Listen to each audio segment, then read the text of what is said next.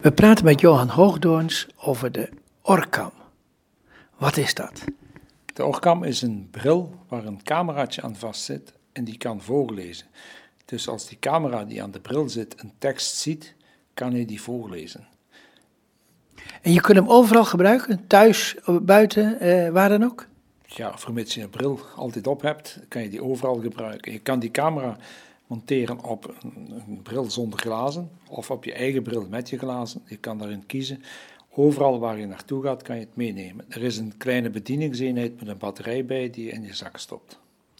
Oké, en uh, kun je het even laten zien? Ja, ik kan dat hier. Ik heb hier dus de bril. Er zit opzij je hebt hem op, ja? Ik heb het opzij een cameraatje. Ik moet dus eventjes kijken. Die bedieningseenheid, die is omwille van energie nogal eens vaak gaat die in slaapstand. Ik zal eens eventjes zien wat hij doet dat nog eens even kijken. Wakker maken. Dus hij wordt. is 80% geladen. Dus als ik nu naar de tekst kijk, dan kan ik deze tekst laten voorlezen. Hij maakt een foto. Verschillende junkies beginnen te praten over het vreemde moordverhaal van de zusjes Bol en ze toen is ook uitgekomen dat Rita haar zus Natasha uit de weg wilde ruimen. Ze mengde al maanden strychnine door de spiet van haar zus. En ze vroeg aan verschillende van haar vrienden om nog... Dus ik stop hem nu eventjes. De, ja, de stem is nog niet zo heel bijzonder, hè? Ja, de stemmen die erin zitten, op het ogenblik, de versies voor de Nederlanders, is, die zijn de Ivona-stemmen, is van een Poolse groep.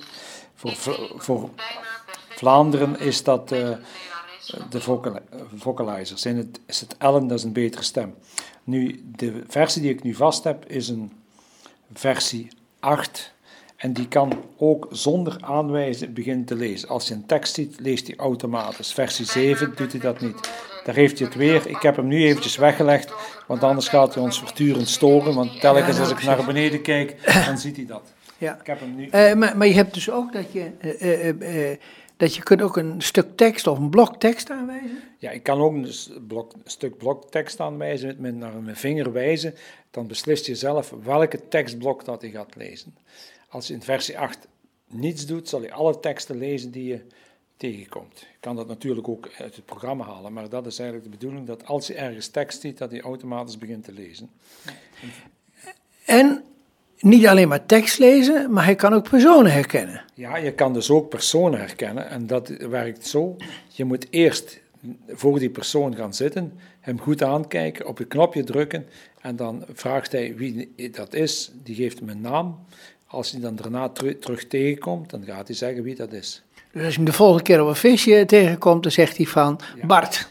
Bart of Koen of Jan, gelijk welk. Ja. Je kan er ongeveer honderd eh, van die eh, personen insteken.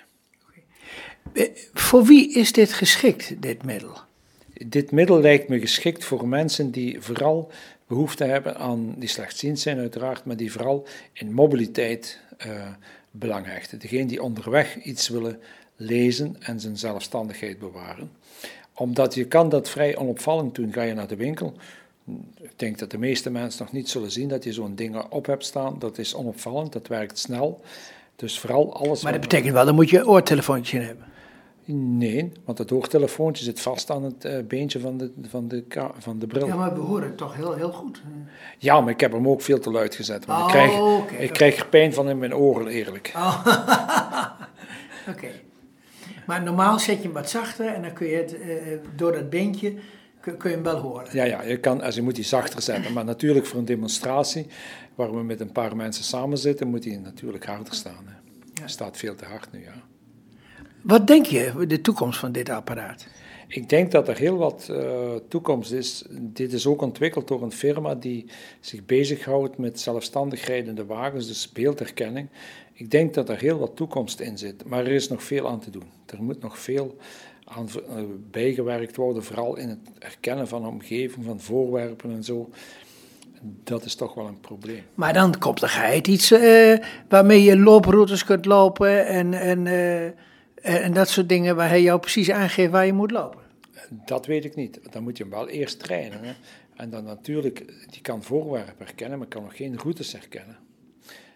Dus als je dat, bijvoorbeeld stel je dat doet en je zegt ja, aan de vuilbak rechtsaf en aan de uh, lantaarnpaal linksaf, maar nu staat er daar plots twee vuilbakken, nog eens onderweg, dan heb je een probleem. Hè. Dus er zijn mensen die dat vragen, kan ik nu als blinde daarmee boodschappen doen, want die gaat me onderweg wel zeggen, een fiets of een paal of een vuilbak.